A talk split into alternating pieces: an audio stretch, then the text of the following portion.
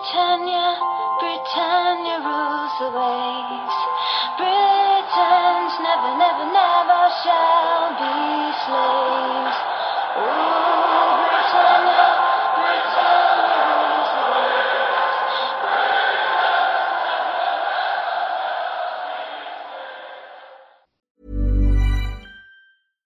Sandra, and I'm just the professional your small business was looking for. But you didn't hire me because you didn't use LinkedIn jobs. LinkedIn has professionals you can't find anywhere else, including those who aren't actively looking for a new job but might be open to the perfect role, like me.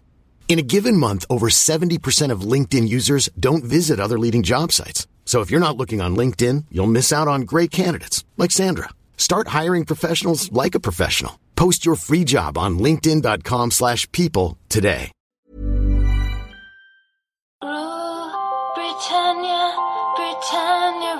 Rules the waves. Britons never, never, never shall be slaves. Ooh, Britannia, Britannia rules the waves.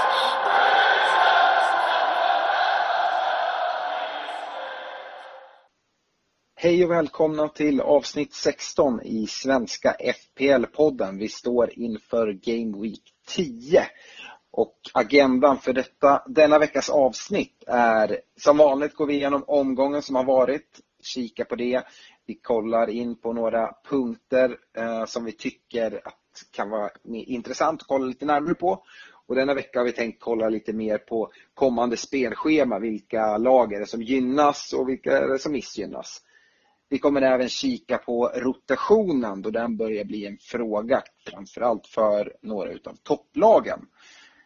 Vi går in på poddligan, ser om det har förändrats någonting där och kollar lite kort igenom hur det går för vårt poddlag som jag kan avslöja inte hade en av sina bästa veckor.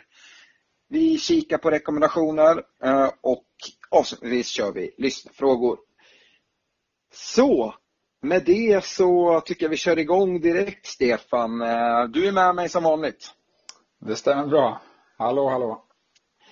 Eh, vi kan även säga det, vi spelar alltså in idag tisdagen den 23 oktober och det är mitt i Champions League här. United möter Juventus och eh, City möter Shakhtar Donetsk på bortaplan.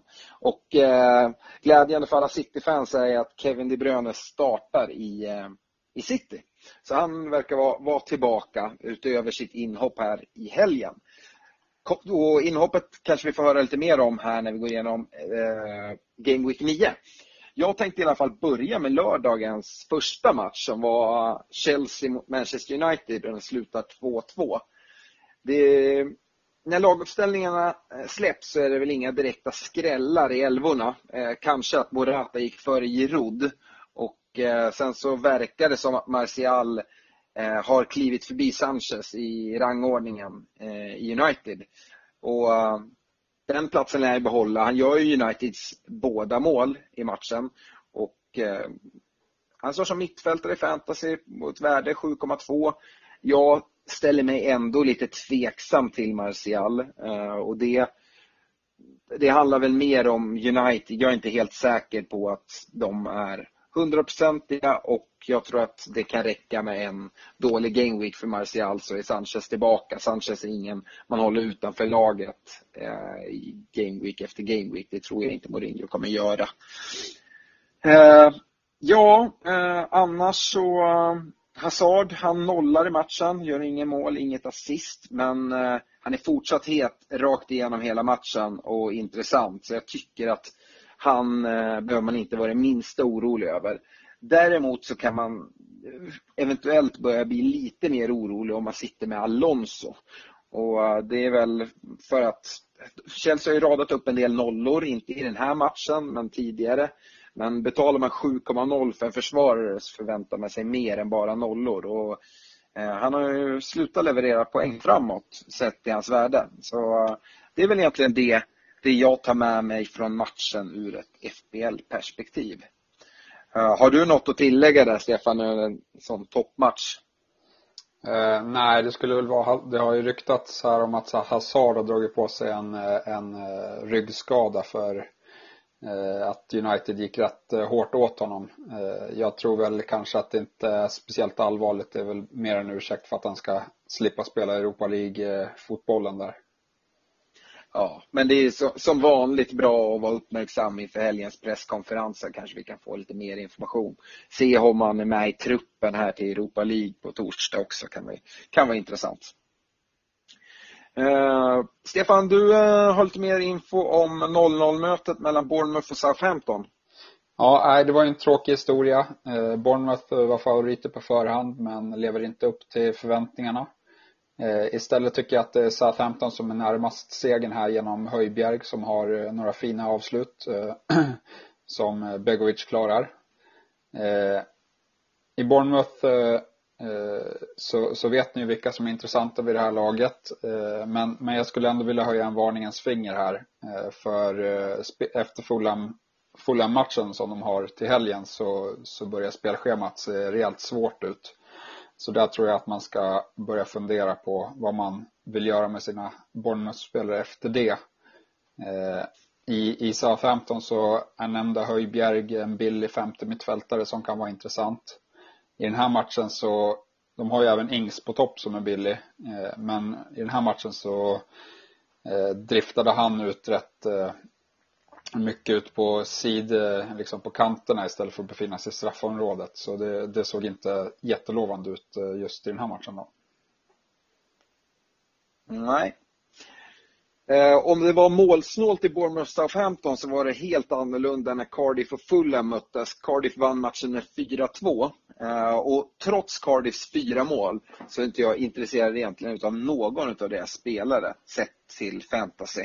Eh, och Gällande Fulham så har de ju offensivt intressanta spelare men som jag varit inne på tidigare, ligans absolut sämsta försvar. Och det är det enda lag som inte har hållit nollan och ett tydligt exempel är väl att Cardiff får göra fyra mål. Och Cardiff är inget lag man förknippar med offensiv skicklighet så att jag, eh, jag är inte så imponerad av Cardiff trots att de gör fyra mål. Eh, och Fulham är man ju intressant, eh, intresserad av deras offensiva spelare och vi har varit inne på det tidigare. Mitrovic är en spelare som, som många kollar åt. Kyrle, han gör dessutom ett 1-0 mål så om man, om man inte har sett så är det verkligen värt att, att googla upp det. Uh, jag tycker framöver, eftersom att Fulhams försvar ser så riktigt bedrövligt ut, så kan det vara värt att hålla koll på vilka de möter. Eh, och se, se egentligen omgång efter omgång. Att det, kan finnas, det kan vara värt att kolla på kaptensalternativ på offensiva spelare som möter Fulham. Uh, nu, nu till helgen så, som du var inne på, är det Bournemouth. Så att, uh, har man Bournemouth-spelare så tycker jag absolut man ska behålla dem nu, men ha en plan, precis som du säger, på att ta ut dem därefter. Eh, I Cardiff annars, om man nu ska försöka verkligen gräva djupt och försöka hitta någonting, då skulle jag säga att det är Murphy som är den mest intressanta offensiva spelaren i Cardiff. Men jag håller mig ändå därifrån. Eh, Manchester City-Burnley, ett annat målkalas, Stefan. 5-0 till City. Yes, eh, en väntad överkörning, men jag tycker City kan tacka domarteamet för, för den. Eh, det började redan i första minuten eh, där eh, Company borde varit utvisad i, i min uppfattning när han sätter en tackling som liknade den Scholes satte på Håkan Mild en, en gång i tiden här. Sen när, när City gör sitt 2-0 mål i andra halvlek då går allting fel för domarteamet igen. Först så borde Sané varit eh, varnad för eh, filmning när han försöker filma till sig en straff. Spelet fortsätter. Bollen åker av planen innan Silva, som står offside, hinner slå in den till Bernardo Silva och eh, han sätter dit den. Domarteamet tyckte att det här var ju ett eh, korrekt mål så de dömer mål där. Och det sänker ju såklart Burnley rätt rejält. Men domarteamet var inte klara med sina misstag utan de låter eh, dessutom Sané vara kvar på plan när han eh, helt enkelt sonika sparkar ner Loughton eh, med en avsiktlig ja, eftersläng kan man säga. Och eh, nämnda Sané gör ju även 5-0 målet i den här matchen. Så ja, domarteamet hade en kväll att glömma här kan man ju lugnt sagt säga. Eh, matchen i övrigt då, den handlade mycket om Agüero och hans eh, målsumpande för han hade kunnat gjort eh, hattrick lätt i den här matchen. Mares var het, spelade bra igen, gjorde han ju även mot Liverpool även om han var olycklig straffsumpare där på slutet. Och David Silva är regissören som ligger bakom det mesta. I övrigt så, så var Mendy tillbaka i backlinjen och imponerade. Gjorde en ass fick en bonuspoäng. Och eh, Kevin De Bruyne som du nämnde startade idag. Han gjorde ju comeback med 30 minuter. Och jag tycker det såg lovande ut. Eh, annars så är det värt att notera att Sterling vilades hela matchen här. Walker vilades också va? Ja, han var skadad. Eller hade skadekänningar i alla fall. Jag såg att han var på bänken i, idag i Champions League så han är nog fit till helgen. Okej. Okay. jag håller helt med där om, om domarinsatsen. Eh, sen så kanske City hade vunnit det där ändå, men det hade nog inte blivit några 5-0 om Company till en början hade blivit utvisad efter 30 sekunder. Men eh, som du är inne på, Agüero där, han kunde ju haft ett hattrick precis som man kan ha i vilken match som helst, även fast han blir utbytt, utbytt efter 65 minuter eller något sånt som vanligt. Eh, det blev ett mål den här gången då. Eh, West Ham Tottenham, eh, 0-1 blir det här, men det jag tar med mig eh, ur både fantasy-synpunkt men även till West Hams eh, nackdel, det är väl Jarmolenko som kliver ut skadad i första halvlek. Det visar sig att det är hälsenan och han har genomgått en operation och blir förmodligen borta upp till sex månader. Eh, väldigt tråkigt för West Ham. Jarmolenko tycker jag har sett lovande ut och han har haft ett fint samspel med Arnautovic på topp. Eh, jag vet inte vem det är som kommer in och ersätter där men eh, jag tycker att det är ett försvagat West Ham vi kommer att se när Jarmolenko saknas. Eh, Arnautovic, eh, om vi ska gå in på honom, han är ju väldigt nära att göra mål flera gånger under matchen. Juris gör några riktigt bra insatser. Han har bland annat en nick som håller på att gå in i bortre då Juris verkligen får sträcka ut och friläge på det och sådär. Så att han lite oflytt tycker jag och som sagt bra insats från Juris som, som hindrar Arnautovic från att komma med i målprotokollet. Annars så eh, Eriksen som har varit skadad och haft någon, någon i magmusklerna. Han byttes in i matchen så han verkar ändå vara på G och vara på väg tillbaka. Får se nu om han spelar Champions League imorgon eller om han vilas. Eh, Kane, han är ofarlig matchen igenom skulle jag säga. Och eh, jag såg någonting eh, via Fantasy Scout att West Hams vänsterback Cresswell kollar man på deras heatmap hur de har rört sig på planen så har Cresswell och Kane ungefär samma position motsvarande för varandra. Det är ganska ordentligt noterbart och det är väl både att Cresswell har kommit upp en bit men framförallt att Kane droppar ner oerhört mycket. Eh, Lamela gör enda målet och övertygar matchen igenom. Känns som att han är i riktigt fin form. Däremot så är det ju lite osäkert skulle jag säga att gå in på, på Lamela i fantasy nu det är, det är många spelare där som, som slåss om platserna och speciellt nu när Eriksen är på väg tillbaka och Ali kommer väl också tillbaka här inom någon game week skulle jag tro. Newcastle Brighton, eh, 0-1 till Brighton där. Yes, eh, och det är Ryan som eh, återigen räddar Brighton i en match där Newcastle annars hade de, de flesta chanserna. Eh, och eh, kanske blev eh, Brightons spel lite lidande av att Murray tidigt kliver av med en, med en skada här. Annars är det lite förvånande att Anthony Knockhart, som vi har pratat en del om i podden, bänkas i den här matchen. Han kommer inte in alls. Så, så ur fantasy-synpunkt, förutom nämnda Ryan, så är det väl mittbackarna man kan kolla till i Brighton i Dunk och Duffy som båda två tar bonuspoäng i den här matchen när de är duktiga defensivt. Eh, för tyvärr så har vi inga nyheter om Pascal Gross. Han verkar ha ett skadehelvete eh, och lyser med sin frånvaro. Eh, Newcastle är ju också ett lag som har fint spelschema som man är intresserad av på grund av det. Men jag ser ingen het kandidat i Newcastle trots det fina spelschemat. Jag hörde dock från eh, Chris Hewton i Brighton, eh, deras, hans, deras tränare. Han eh, nämnde, dels så sa han att knockout, han var bänkad. Det rör sig inte om någon skada, det rör sig inte om någonting att han har varit dålig utan bara att han, han fick sitta lite bänk nu. Och det är väl lite, han kommer förmodligen spela en hel del men det är lite eh, risky ändå tycker jag när det, när det blir så här. Sen så, så, så uttalade han sig också om Gross och det var lite kryptiskt men han sa ändå att han snart bör vara tillbaka. Så det, det, kan man ändå ta med sig. Och Brighton har ett fint spelschema och kommer Gross tillbaka skulle det eventuellt kunna vara en spelare och, och kolla lite, lite mer mot, eventuellt. Wolverhampton-Watford 0-2. Eh, nu vänder det för Watford, jag har ju sagt det. De, de kör ju sina omgångar. De, de vinner fyra matcher, sen förlorar de fyra matcher och nu får vi väl se om de går in i fyra matchers vin, vinststreak. Nej men, för att vara lite seriös. De, de gör ofta det, eh, att poängen kommer i vågor. Nu mot Wolverhampton som har visat väldigt fin form här eh, sen starten eh, så, så blir det en, blir det en torsk.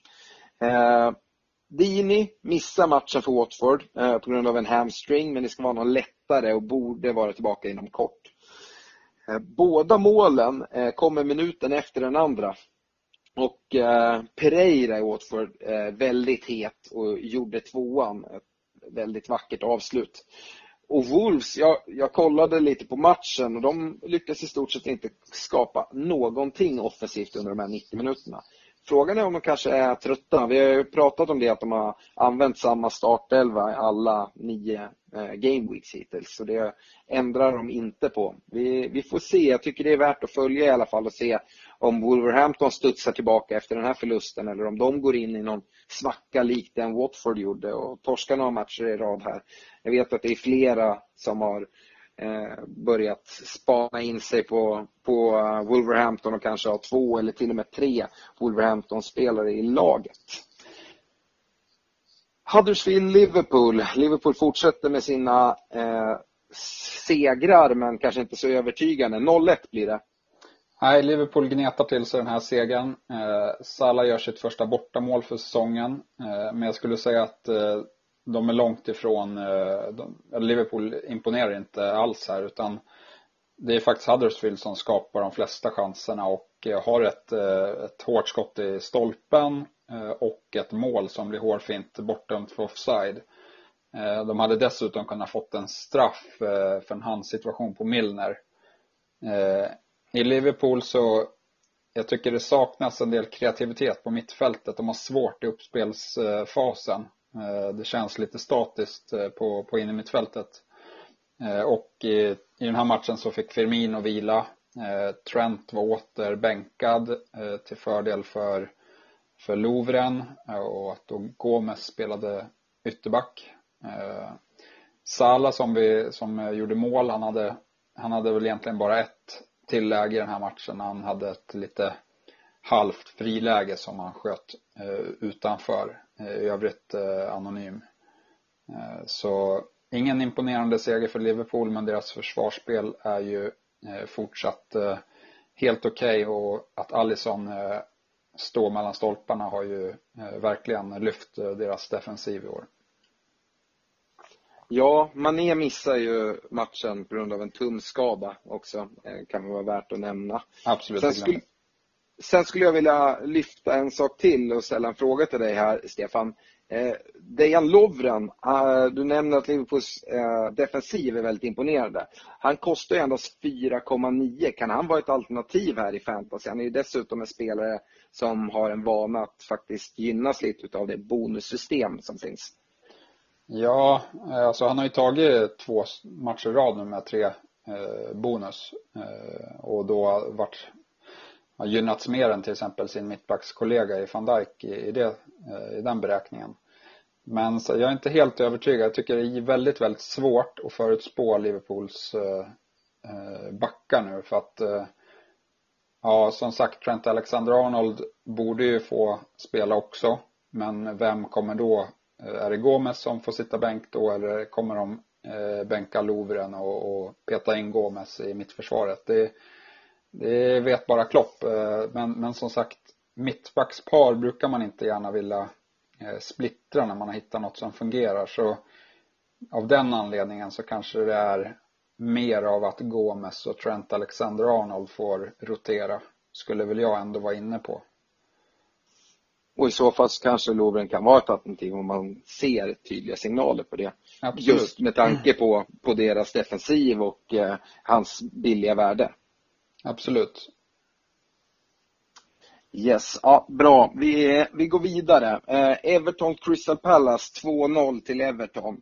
Och eh, sommarens nyförvärv från Barcelona, André Gomes, kommer in i startelvan. Eh, och dessutom är Coleman tillbaka från skada. André Gomes tycker jag ser extremt fin ut eh, i sin första match i Everton-tröjan. Han eh, kanske ingen man kollar så mycket mot i fantasy. Han ligger ganska långt ner i banan. Men eh, han styr mycket av Evertons spel och jag tror att det kan gynna Everton och deras offensiva spelare en hel del. Att han, att han har kommit in. Han har väldigt, väldigt fin passningsfot. Eh, Richarlison är fortsatt som nia, men eh, faktiskt så känns han mindre farlig där än från kanten. Jag hade hoppats att eh, Charlisons positionsbyte och komma upp som nia skulle göra att han kommer till fler lägen. Men det känns nästan tvärtom. Han spelar med, mer med ryggen mot mål som falsk nia och då kommer inte hans snabbhet till användning som när han spelar ute på kanten och får bryta in. Jag hörde eh, Silva uttala sig efter matchen i intervju just om detta och sa det att vi måste ha tålamod med, eh, med Richarlison när han ska spelas in i en ny position. Eh, så att det låter som att han ska få fortsätta ändå samtidigt som jag tycker att han har gjort sina bästa insatser från, från kanten. Och, eh, dessutom så görs båda Evertons mål sent i matchen utav två inbytta nior eller vad man ska säga, alltså Calvert Lewin och Cenk Tosun. Eh, där får man säga att eh, Silva visar fin eh, fingertoppskänsla då alla avbytarna, alla tre, Luttman kommer ju också in och assisterar till Calvert Lewins mål. Så då alla tre är inblandade. I övrigt, vad man tar med sig från matchen är väl att Saha mycket väl kunde ha fått en assist. Det är många som äger Saha. Han blir fälld av Coleman och Milovojevic slår en straff mitt i målet som, som Pickford eh, räddar med benen. Eh, däremot så var det, det var, hörde jag att det var vissa diskussioner ute på forum och så här om eventuellt att Sa kan få ta nästa straff eller så, men Hodgson går ut och backar Milovojevic efter matchen och säger att han är fortsatt straffskytt. Han sänkte väl en hel del straffar förra året också så att eh, ja, det finns väl ingen anledning att, att ändra där. Så att, ja, nu den här matchen var väl eh, inte jätteenkel för Crystal Palace borta mot Everton, men kommande fyra matcher så möter de fyra tilltänkta topp 6-lag. Så att, eh, om man nu har Saha så kan det nog vara läge att byta ut honom. Vi har varnat för honom tidigare och Eh, vi har väl sagt att ett byte mot Arnautovic kan vara ganska vettigt. Det kan man göra i ungefär samma prisklass. Eh, det var alla lördagsmatcher och jag tänker vi går vidare till, eh, eller lördagsmatcher, vi har kommit in på söndagen också. Eh, det var en måndagsmatch och det var mellan Arsenal och Leicester som Arsenal vinner med 3-1. Ja, här måste jag ändå få vara lite lyrisk. Det är fortfarande samma problem i Arsenal att eh, försvarsspelet sitter ju inte utan vi släpper ju till en hel del chanser. Om man kollar på laguppställningarna så kommer vi till spel utan Monreal och Kolasinac på vänsterbacken. Båda dras med lindrigare skadeproblem. Eh, Ramsey och Aubameyang är bänkade. Eh, Leicester tycker jag ställer upp med, med väntat lag och startar även matchen allra bäst eh, första halvtimmen. Mycket handlar om Madisons fina fasta situationer och ja, Leicester tar ledningen med 1-0. Men, men efter det så, så handlar det mesta om Arsenal och deras anfallsspel. Eh, och framförallt Mesut Özil som gör en riktigt eh, eh fin match eh, när han har ett finger med i, i alla målen eh, och även en Aubameyang som kommer in från bänken och är glödhet verkligen. visar att han vill starta här kommande matcher. Eh, annars så är det Bellerin som är mest intressant i, i backlinjen för tillfället då han är extremt offensiv och gör även två ass i den här matchen. Lacazette har det lite tyngre för dagen men jag tycker han spelar helt okej okay och kommer till lägen så där skulle jag inte vara orolig om man har honom. Eh, I Leicester var jag inne på att eh, Madison ligger bakom det mesta eh, och ofta så, är, så kommer ju bollen mot Maguire på de här fasta situationerna där han är, är extremt stark. Så, så de två vill jag ändå hålla fram. Jamie Vardy, som många också är intresserade av, han har en svag match och i slutet så springer han ut i, i omklädningsrummet och jag har läst att det ryktas om att han var sjuk eller magsjuk och att han kanske behövde skita på slutet. Så han var väl inte helt kry då kan man väl säga och det kanske förklarar hans svaga insats i den här matchen. Din enögde Arsenal-jävel. Du tänkte inte ta upp Rob Holdings målvaktsboxning in i eget straffområde? Nej, det är klart att det kunde ha varit straff i, i, i det, den situationen, absolut. Hundra gånger av hundra om vi hade haft VAR. Eh, men eh, ja, jag, jag hade hoppats på det för då tror jag att Vardy hade dunkat hit en straff också. Eh, så hade han inte lämnat nollad. Nej men som men, sagt, jag, jag, jag är ja. imponerad över Arsenals anfallsspel i den här matchen. Men, men som sagt, det kunde Eh, det fanns situationer där, eh, där det hade kunnat blivit extremt mycket jobbigare. Dels den hans situationen i första halvlek och även eh, när det står 1-1 i andra halvlek på en hörna så jag kommer inte ihåg vem det var i Leicester men om det var Mendy eller, eller vem det var. Men det var i alla fall en klockren nick i ribban eh, på en hörna. Så 2-1 där till Leicester, då hade vi kanske inte alls kunnat spela ut på, på samma sätt som vi gjorde. Jag håller med dig om att Arsenal ser fina ut, men det är framförallt i andra halvlek som de kommer igång, eller slutet av första och sen andra. Jag tycker Leicester är faktiskt ganska många klasser bättre än Arsenal i större delen av första halvlek. Ja, de, de har ju två avslut på mål i, i hela matchen så jag, jag, skulle ändå inte vara eh, jätte, alltså så här, ja men jag håller med om att de hade övertaget i början. Mm. Det, det hade de. Yes, eh, vi släpper omgången där och kollar lite noterbart. Vi, kommande spelschema sa vi att vi skulle prata om och där är det ju eh, lite lite vändning nu för, för en del lag som har haft det tufft och får det lite lättare och tvärtom. Eh, lag som sticker ut positivt kan man väl nämna. Vi pratar Leicester nu precis. De har ju ett väldigt fint spelschema. Vi har ju flaggat för det tidigare. Newcastle har ju också det, även fast det kanske är svårt att hitta spelare där. West Ham har fint. Eh, Brighton har fint. Huddersfield. Det är många av de här lite, lite sämre lagen ändå. Eh, har du några spelare där som du tycker ändå kan vara intressanta att kika mot? Nej, alltså om man kollar, Eh, om man tar dem i Newcastle, där sa jag att det är svårt. Den enda som jag eventuellt skulle fundera på det är Kennedy som en billig 50 mittfältare. Eh, I Leicester tycker jag att det finns eh, många alternativ. Eh, där tycker jag att eh, ja, Maguire, Madison och Vardy eh, och även eh, Chilwell. Men jag skulle, jag skulle ändå betala de 0,5 extra för Maguire och hans eh, hot på fasta situationer. Just eftersom Madison har så fin fot att eh, man vet att det kommer uppstå situationer där Maguire kommer hota på fasta. Och han hade ju ett, en nick mot Arsenal som Lena gör en väldigt, väldigt fin räddning på. Eh, West Ham, där är det väl Arnautovic framför allt.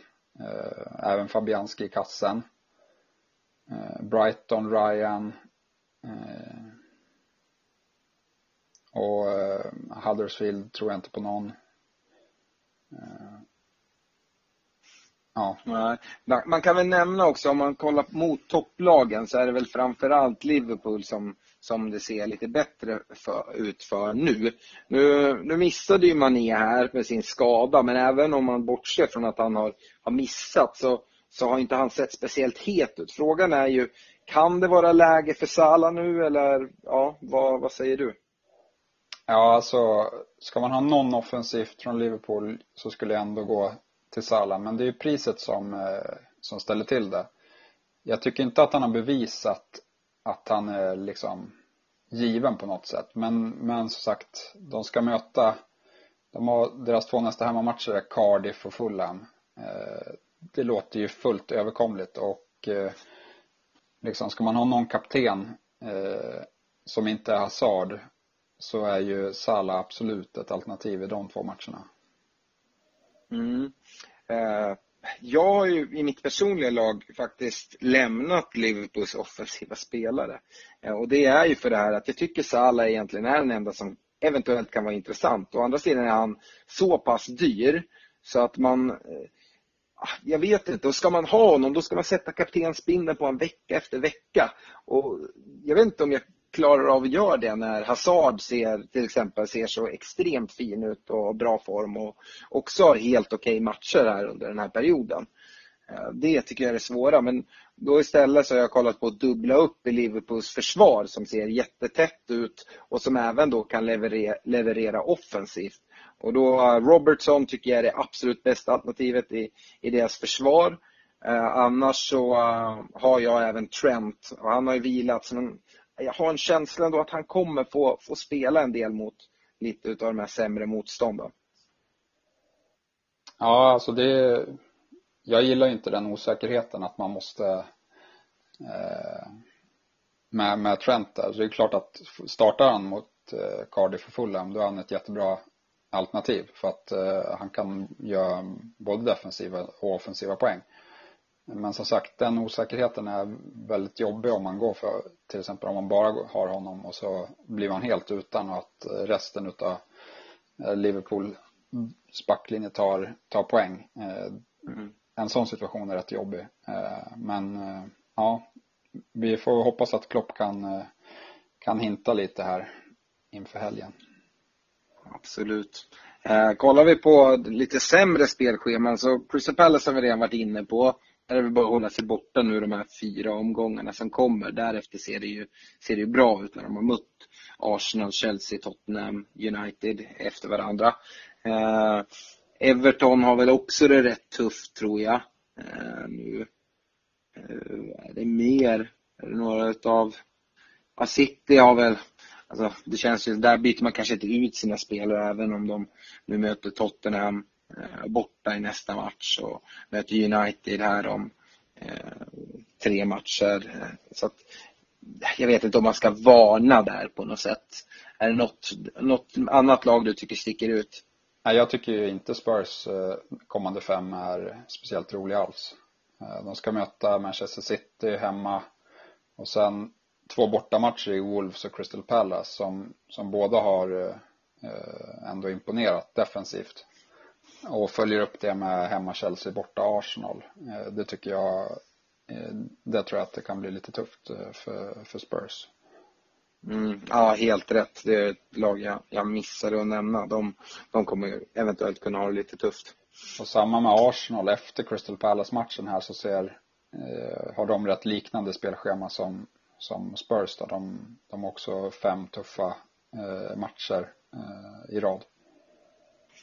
Arsenal, för att försvara Arsenal så tycker jag ändå Arsenal ser bättre ut än vad, vad Tottenham gör i sitt spel.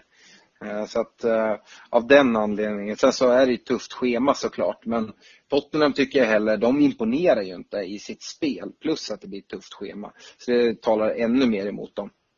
Jag tror ju mer på att eh, de här matcherna, Arsenal och Emery, de blåser på offensivt så de här matcherna mot Liverpool och Tottenham det Eh, kan bli målfester eh, på hemmaplan. Alltså, sen har jag ingen aning om hur matcherna kommer gå men det känns som att det finns potential att bli mycket mål i, i de matcherna. Ja, absolut. Eh, rotationen då tänkte jag också att vi skulle prata lite om och det är väl framförallt City och Liverpool. Nu eh, har vi varit inne på det lite grann, rotationen i Liverpools försvar där med Gomes och Trent och Lovren eventuellt. Vi har, eh, vi har ju sett, alltså det är ingen rotation på Mané, det är en ren skada. Eh, men Firmino vilas till exempel, kanske efter, på grund av att det var ett landslagsuppehåll. City, där är det ju alltid den här eh, rotationen. Har du någon, någon tanke på hur man bör tänka med spelare från de här lagen som roterar en del? Nej, men ibland så kommer man gå på en mina och det betyder inte att man ska byta ut eh, den spelaren. Till exempel eh, hade man Sterling i helgen så blir man ju såklart eh, förbannad när inte han spelar när de vinner med 5-0 mot Burnley hemma. Men samtidigt så, så indikerar det att nu har han vilat så nu kommer han spela 5-6 matcher skulle jag, skulle jag ändå gissa. Och liksom att man inte tar förhastade beslut bara för då kan det bli att man går från någon som, eh, som blev eh, roterad till att byta in någon som kanske blir roterad nästa omgång. Eh, så, så där kommer man ändå få svälja att man inte kommer ha sina spelare. Så känns det i alla fall i City. Eh, att där kommer, det är omöjligt att läsa Pep och hans laguppställningar. Sen så nu den här matchen så blir ju Sterling fast bänken hela matchen. Annars så brukar ju ofta de här city-mittfältarna som man har bytas in och få en 20 minuter eller något sånt. Och eh, det är inte säkert att det är helt fel. Vi såg på Aubameyang nu som, som eh, byttes in och gjorde två mål här för Arsenal mot Leicester igår. Eh, så kan det mycket väl bli för spelare i City också som byts in, offensiva spelare. Absolut. Det... Ja, jag, själv gjorde jag ju bytet. Jag gjorde ett dubbelbyte inför den här gången i mitt privata lag. Jag fick in Sterling och Trent Alexander-Arnold. Det var väl totalt noll minuter så det var väl inte en jättelyckad vecka. Men jag håller i där och hoppas att det blir annat här inför kommande Game Week. Ja, nej det var ju det sämsta bytet jag har hört talas om. Men eh, det kan man inte veta på förhand. Ja, vi får se sen. Det är inte säkert att det är så dåligt byte på sikt. Så vi, Absolut Vi får se. Ja, Sterling, han ska ingenstans i alla fall och Trent kommer få stanna eh, ett tag till för att se hur satt det verkligen är. Jag hoppas ju att eh, Gomes får spela, spela ytterback nu i Champions League också eh, imorgon. Eh, vi lämnar det där och så går vi vidare till, eh, till poddligan och kikar hur hur det går till där. Vi har ju haft en ganska tuff eh, game week tror jag för många, många lag. Men eh, om vi kollar topp tre så vi har Kristoffer Karström på 636 poäng. Sen så har vi en delad första plats mellan Miran Lur som har legat där ett tag med Lur FC. Han tog bara 38 poäng den här gameweeken men totalt 639. Och eh, sen så har vi en, en ny person in på första plats, eh, Jesper Sundblad och hans lag Oerhörda Pandor. Fantastiskt namn. Eh, han tar 55 poäng den här gameweeken som får ses som, som riktigt bra. Och jag har faktiskt eh, hört av mig till Jesper och ställt eh, våra frågor här som vi brukar ställa till, till spelare i ligan som har, har presterat bra. Eh, första frågan är som vanligt, planerar du något byte inför nästa Game Week och i så fall vilket? Och då ska jag lägga till det att jag vet att han tog ett wildcard inför den här omgången. Han säger, det lutar åt att jag kommer spara mitt byte denna omgång. Jag kommer att ge Trent en omgång till, men om han blir bänkad även hemma mot Cardiff är han en spelare jag behöver byta ut och min backlinje inte är jättestark i övrigt. Ska även göra bytet Mitrovic till Arnautovic inom kort men tror ej det blir denna Game Week. Jag tror att Mitrovic mycket väl kan ta fler poäng än Arnautovic till helgen hemma mot Bournemouth. Är heller inte övertygad om Jiménez, men det får nog bli ett senare problem. Eh, fråga två. Vilken kapten lutar åt inför nästa Game Week? Sala. Eh, kommer följa hans speltid i Champions League i veckan och se hur det ser ut. Annars alternativet Hazard, men han verkar dras med någon form av ryggproblem. Så det känns lite sådär, men det lutar åt Sala som sagt. Och sen när vi frågar om eh, Jespers bästa fantasy-tips så säger han det låter lite klyschigt men kolla så många matcher du kan. Då ser man enklast vilka spelare som kommer till farliga lägen. Denna säsong har jag dessutom grottat ner mig extra mycket när det gäller statistik och framförallt vilka spelare som befinner sig i farliga situationer och tar många avslut och skapar många chanser. Det är ett resultat hittills i alla fall. Våga satsa på spelare som statistiskt sett varit bra men inte fått utdelning i form av mål och assisten. Det är ofta då man kan sticka ut lite och ta poäng som andra inte tar. Ett bra exempel på det är Josh Murphy i Cardiff som jag läste hade haft nio avslut på mål senaste två matcherna. Så honom tog jag med i mitt wildcard förra veckan och blev belönad direkt. Till priset 4,8 med Cardiffs kommande schema är han perfekt att ha som rotationsspelare. Till sist vill jag tacka för en grymt bra podd eh, Så att, ja. En statistiknörd Stefan, det gillar du? Ja, absolut. Det var snyggt där med, med Josh Murphy också. Ja, men som sagt, vi har ju sagt det både du och jag att vi inte lockas jättemycket åt Cardiff men han ligger ju faktiskt bakom väldigt mycket av Cardiffs offensiva spel så är det någon man ska kolla mot så är det ju honom och spelschemat ser fint ut. Uh, yes, kollar vi på poddlaget så är det en tragisk historia. Uh, vi, uh, vi tog inte, inte många poäng. Nu ska vi se, jag har inte i huvudet riktigt. Har du det? Se om jag kan kolla snabbt. Nej, men det var väl runt 40 41 pinnar blev det. Uh, average var 43 den här, så under, under average och lite röda pilar tyvärr. Men eh, som sagt, det är många som hade en hyfsat dålig, dålig omgång så man ska inte gräva ner sig för mycket. Kaptensvalt blev ändå okej. Okay. Vi, vi landade till slut på Agüero. Han gav oss 12 poäng. Som sagt, kunde blivit mer, men ah, helt okej. Okay. fanns inte så många andra alternativ. Det var väl vissa som hade valt Hazard som bara tog en pinne och sådär. Så sett till det så var det helt okej. Okay. Vi gjorde ju även ett byte i vårt poddlag ganska tidigt inför förra inför den här omgången. Vi eh, tog ut Peltier mot Docherty. Nu hade väl Wolves inte sin bästa match och inte Docherty heller. Eh, men jag tror på, jag tror på det eh, över tid. Ehm, det blev ingen Facebook Live heller den här veckan. Jag har varit iväg och rest en hel del i jobbet. Men jag utlovar en nu där vi pratar mer om vårt lag. Det byte som vi kollar mot är väl med allra största sannolikhet att ta ut eh, Wilfred Zaha och sätta in Arnautovic. Det har vi talat om en längre tid och det är nog så det kommer bli. Sen kan det vara värt att, nämna för, för lyssnarna, Stefan, tänker jag att vi hade en allvarlig diskussion om att eventuellt ta vårt wildcard, men besluta att avvakta lite grann. Ja, absolut. Eh, vi har väl några problem i laget som vi känner att eh, vi skulle vilja fixa till. Eh, lite för många för att bara ta gratisbyten. Eh, så därav startar väl diskussionen. Men vi landar väl ändå i att vi inte var så nöjda med det wildcard-lag vi kunde få ihop just nu. Eh, så eh, vi avvaktar och håller på det lite till.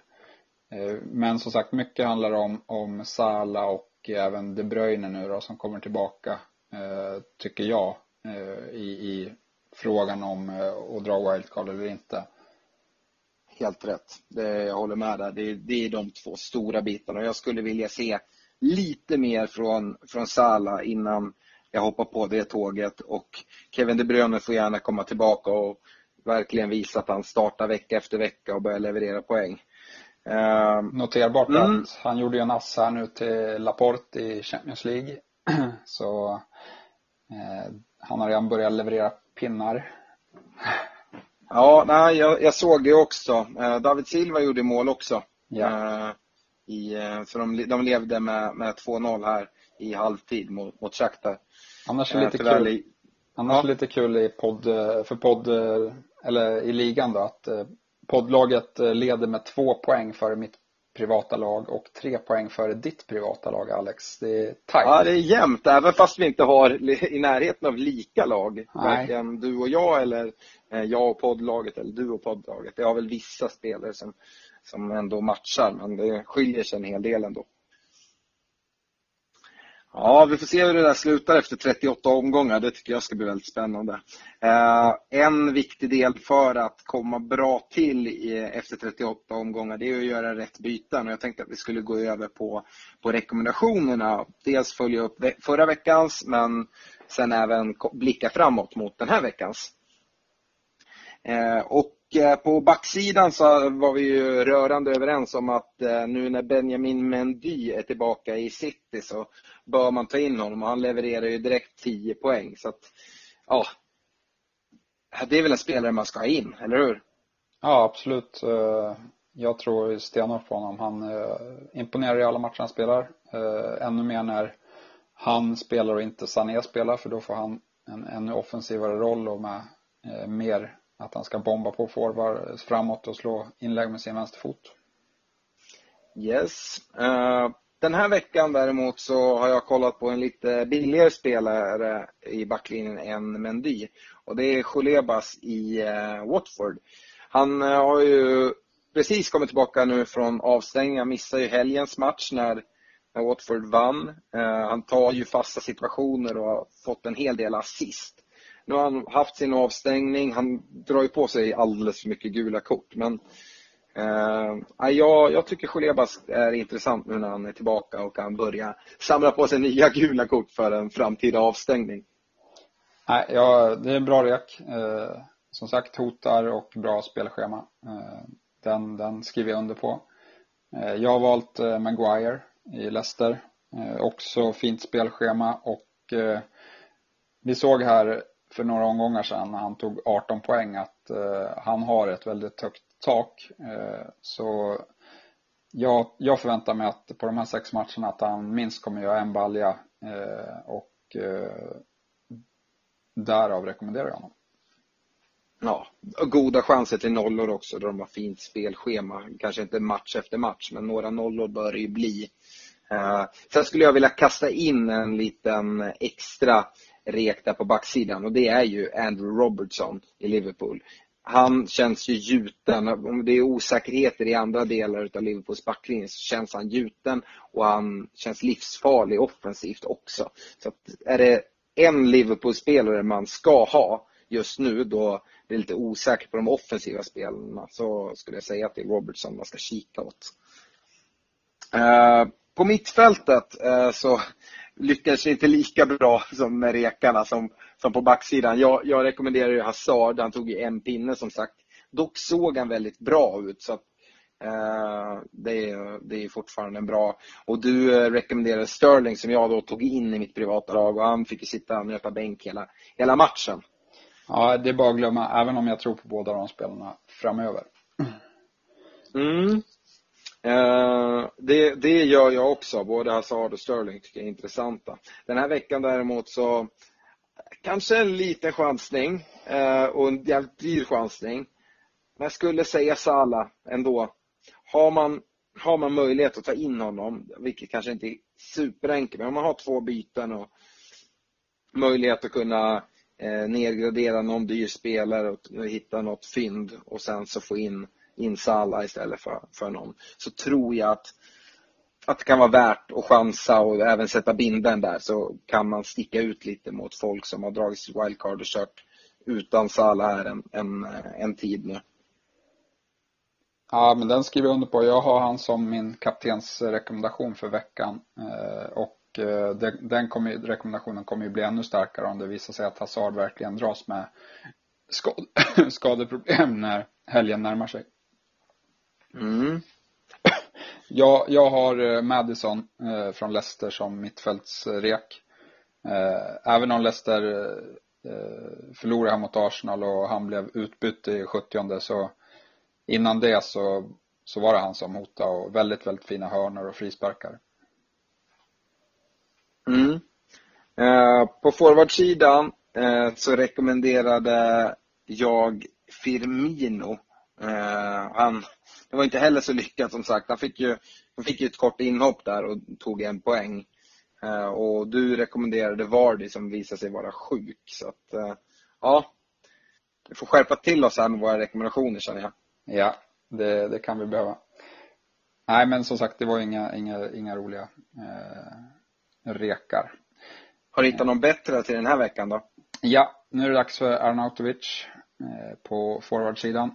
Eh, drar man ut deras eh, spelschema lite längre än bara några matcher så ser man varför man ska ha honom. Eh, det är egentligen bara en match mot Manchester City där som är en plump. Resten kan man spela honom. Och hoppas på mycket poäng. Ah, jag backar den. Jag har också Arnautovic som mitt forward, min forwardsrek. Och som sagt, det lutar väl väldigt mycket att det är han som, som kommer komma in också i vårt poddlag.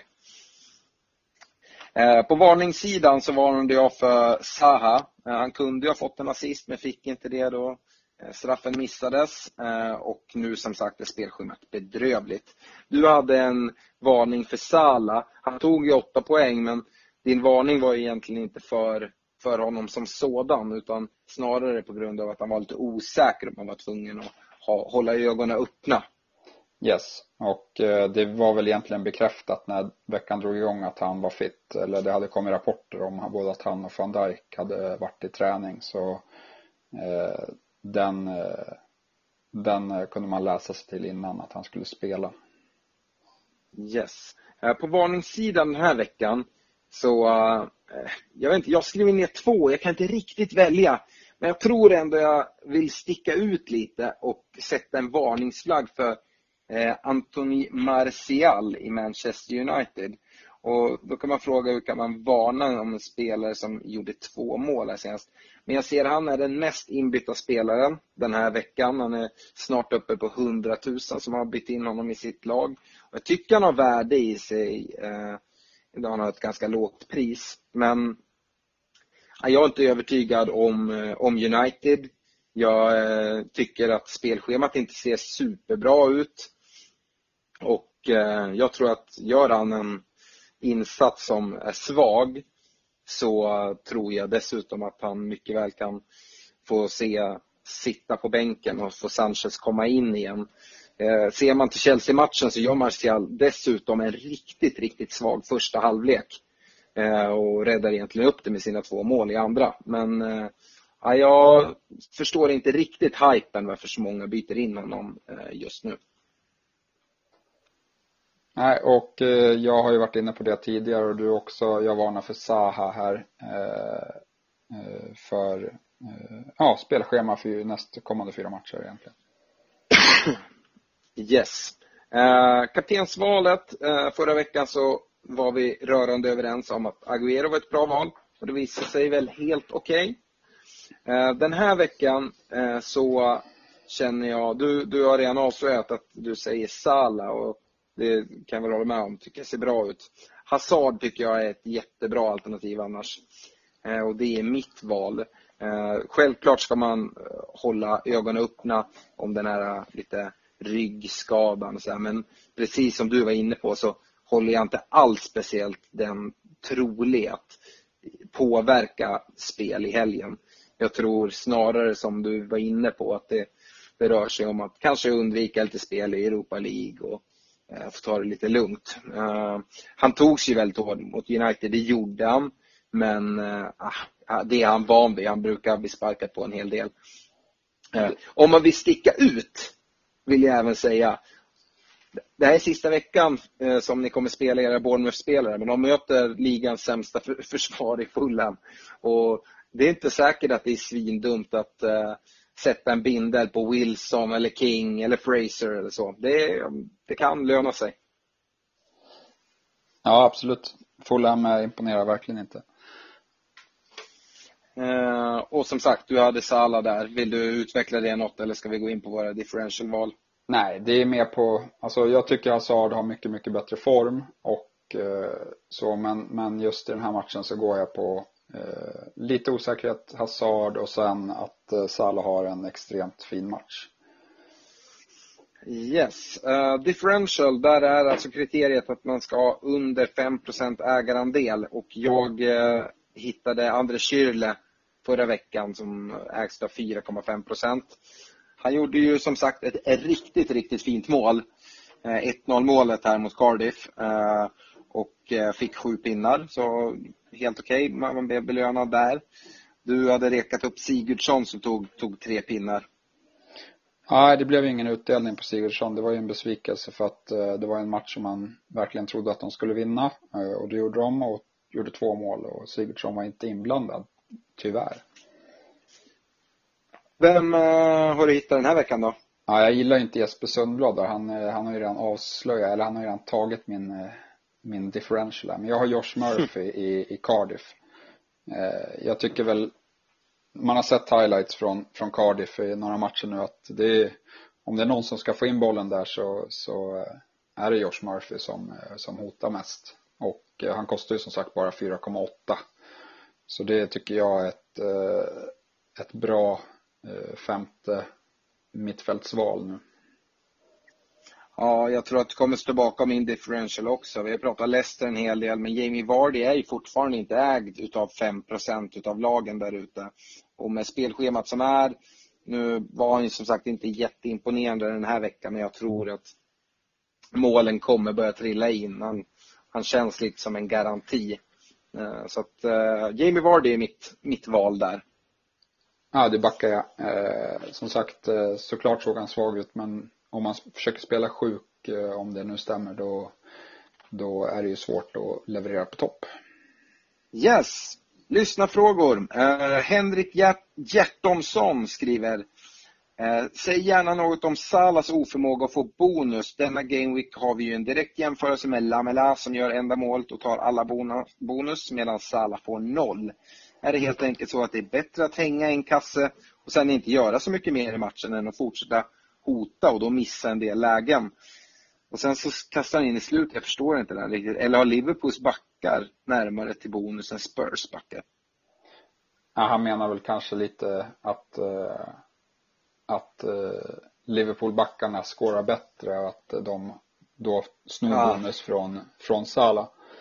Uh, men jag skulle säga att det är inte därför utan det, det finns ju något som vi har pratat om tidigare i podd Eh, Eh, avsnitt eh, som heter Baseline BPS och vilket är en beräkning av allt bra eller dåligt du gör under matchen som inte är mål, assist och hållna nollor. Och eh, där kan man även få minuspoäng eh, och eh, det är väl det alla brukar få då skott utanför mål, tappade bollar när man försöker dribbla och eh, att man springer offside är till exempel tre sådana grejer som man får minus på i den beräkningen. Och eh, jag kollade lite på just eh, BPS-poängen totalt mellan Sala och Lamela i den här omgången. Och Sala plockade in 26 BPS och Lamela 33. Och om man bryter ner det så var ju, båda fick ju såklart BPS för att de gjorde mål och så. Men det det kommer ner till det är att eh, Salas BPS baseline eh, fick han 5 poäng för medan Lamela hade 12. Eh, så det är där det är en skillnad på 7 och det är även det som skiljer på totalen då. Så det är, det är det vi har varit inne på tidigare att han är inte bra på, på just det eh, betyget Sala. Och det är väl någonting som jag framförallt stör mig på när man ska välja vart man ska sätta kaptensbindeln och man vet att Salah har väldigt svårt att få bonus om man jämför med andra ty tydliga premiumspelare som Hazard eller Agüero som ja, nästan är någon form av bonusmagneter. Ja absolut, Has, framförallt Hazard kan man väl säga. Eh, men ja, Agüero om man spelar 90 minuter så brukar han också ligga bra till. Eh, men, men som sagt, eh, alla de här baseline BPSen, de, de eh, jobbar man in under hela matchen. Så det är klart att är man bra i det, liksom, gör man många bra saker för laget, då är det klart att det är gynnsamt om man spelar 90 minuter. För då kommer man troligtvis bara fortsätta samla på sig sådana poäng under matchens gång och då ha bättre chans på bonuspoängen i slutet. Mm. Yes. Vi släpper den i alla fall. Vi går vidare på lite frågor om vilka spelare som är heta och sådär. Eh, Challe Bengtsson Jarup som ofta skriver in till oss med sina frågor eh, har skrivit Hur såg De Bruyne ut? Om man ser bra ut på tisdag i Champions League bör man eventuellt ta in honom istället för Mané då? Och är det dumt att ha både David Silva och Kevin De Bruyne? Ja, det är kanske är lite overkill att ha båda där. Eh, jag tyckte De Bruyne såg eh, man, man, såg inga tecken på hans skada. Givetvis så är han ju inte i toppform och han fick ju bara en halvtimme. Eh, men det man såg såg det bra ut och eh, nu har jag bara sett att han har tagit, slagit en hörna till Laporte som Laporte nickade in i Champions League. Eh, och uppenbarligen så är han ju bra form i och med att han startar matchen då. Sen till helgen kanske han vilas ändå då det är toppmatch och de, han inte riktigt är i fas för det. Men, men som sagt, eh, han skulle mycket väl kunna starta mot Tottenham också.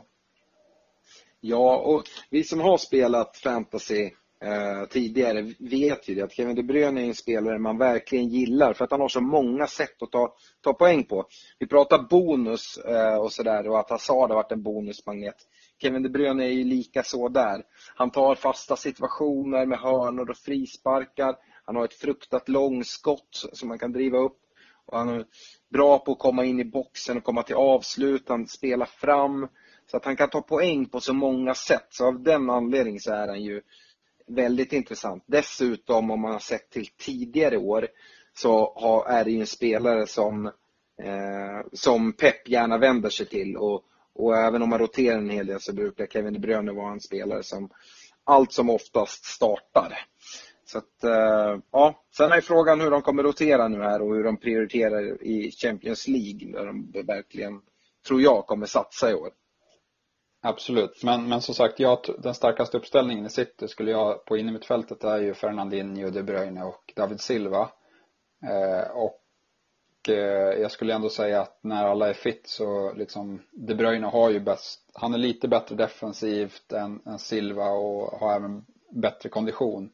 Eh, så han kommer ju spela mer än David Silva och eh, dessutom så har ju City en väldigt, väldigt bra ersättare för David Silva i Bernardo Silva.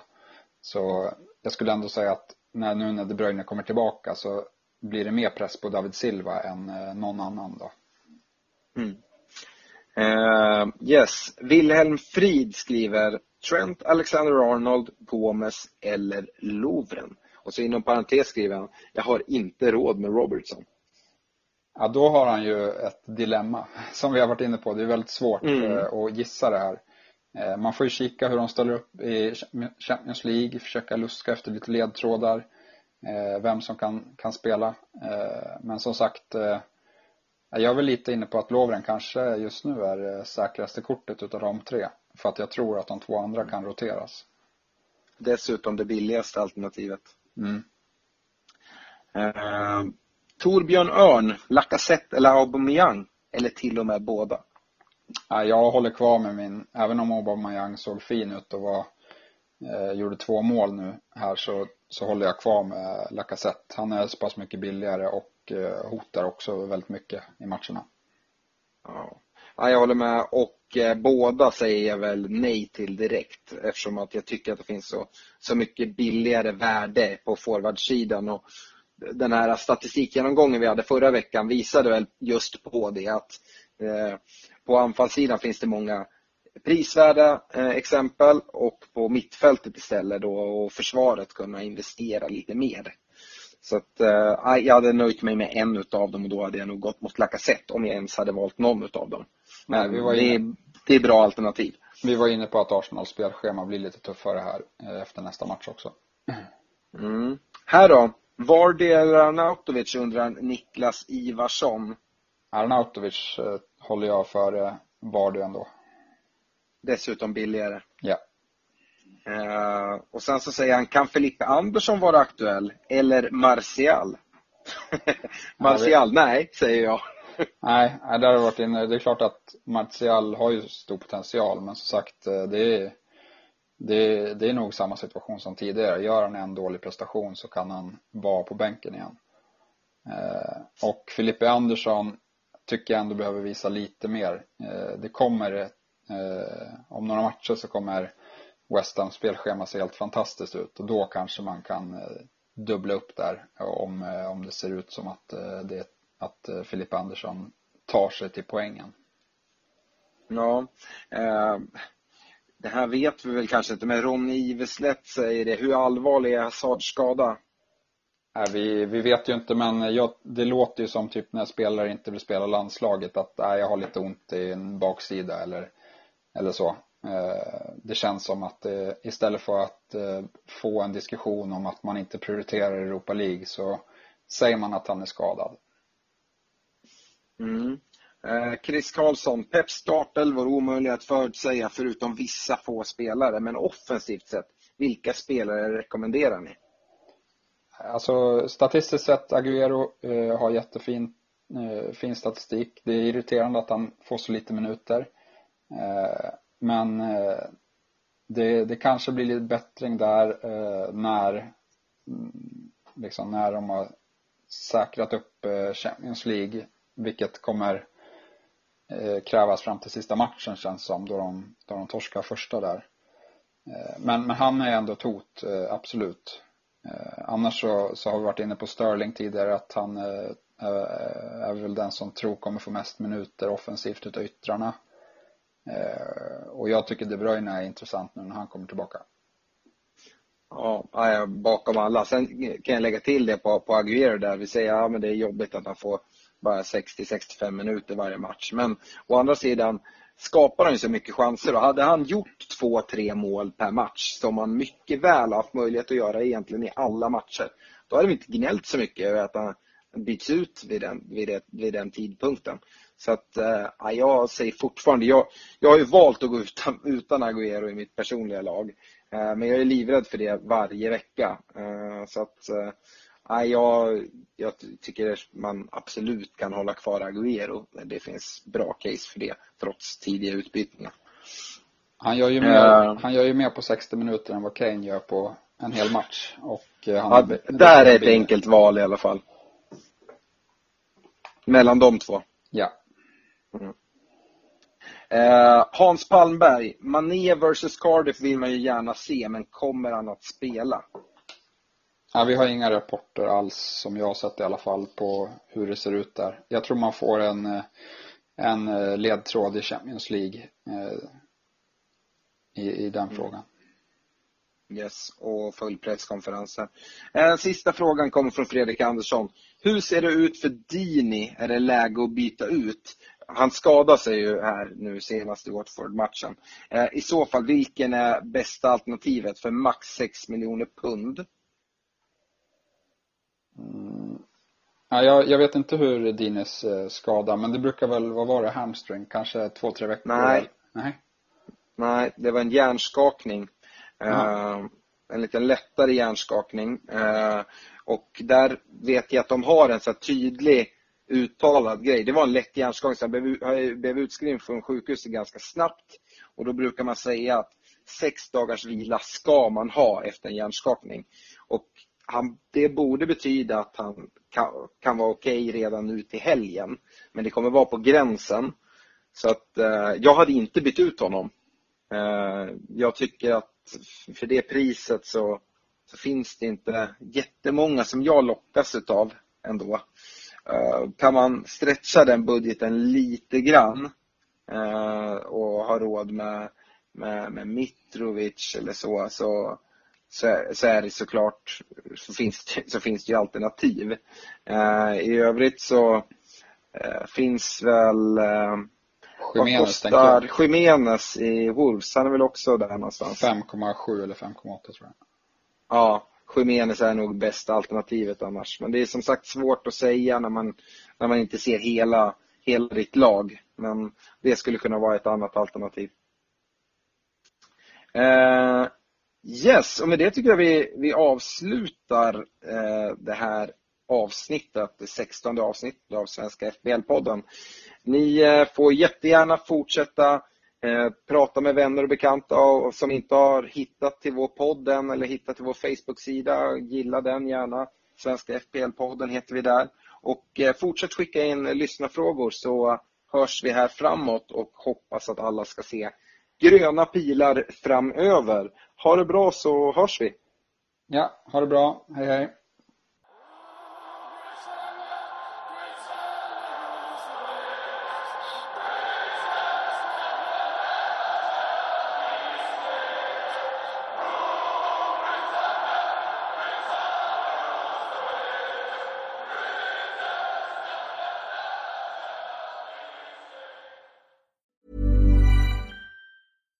Mom deserves the best, and there's no better place to shop for Mother's Day than Whole Foods Market. They're your destination for unbeatable savings, from premium gifts to show-stopping flowers and irresistible desserts. Start by saving 33% with Prime on all body care and candles. Then get a 15-stem bunch of tulips for just $9.99 each with Prime. Round out Mom's menu with festive rosé, irresistible berry chantilly cake, and more special treats. Come celebrate Mother's Day at Whole Foods Market.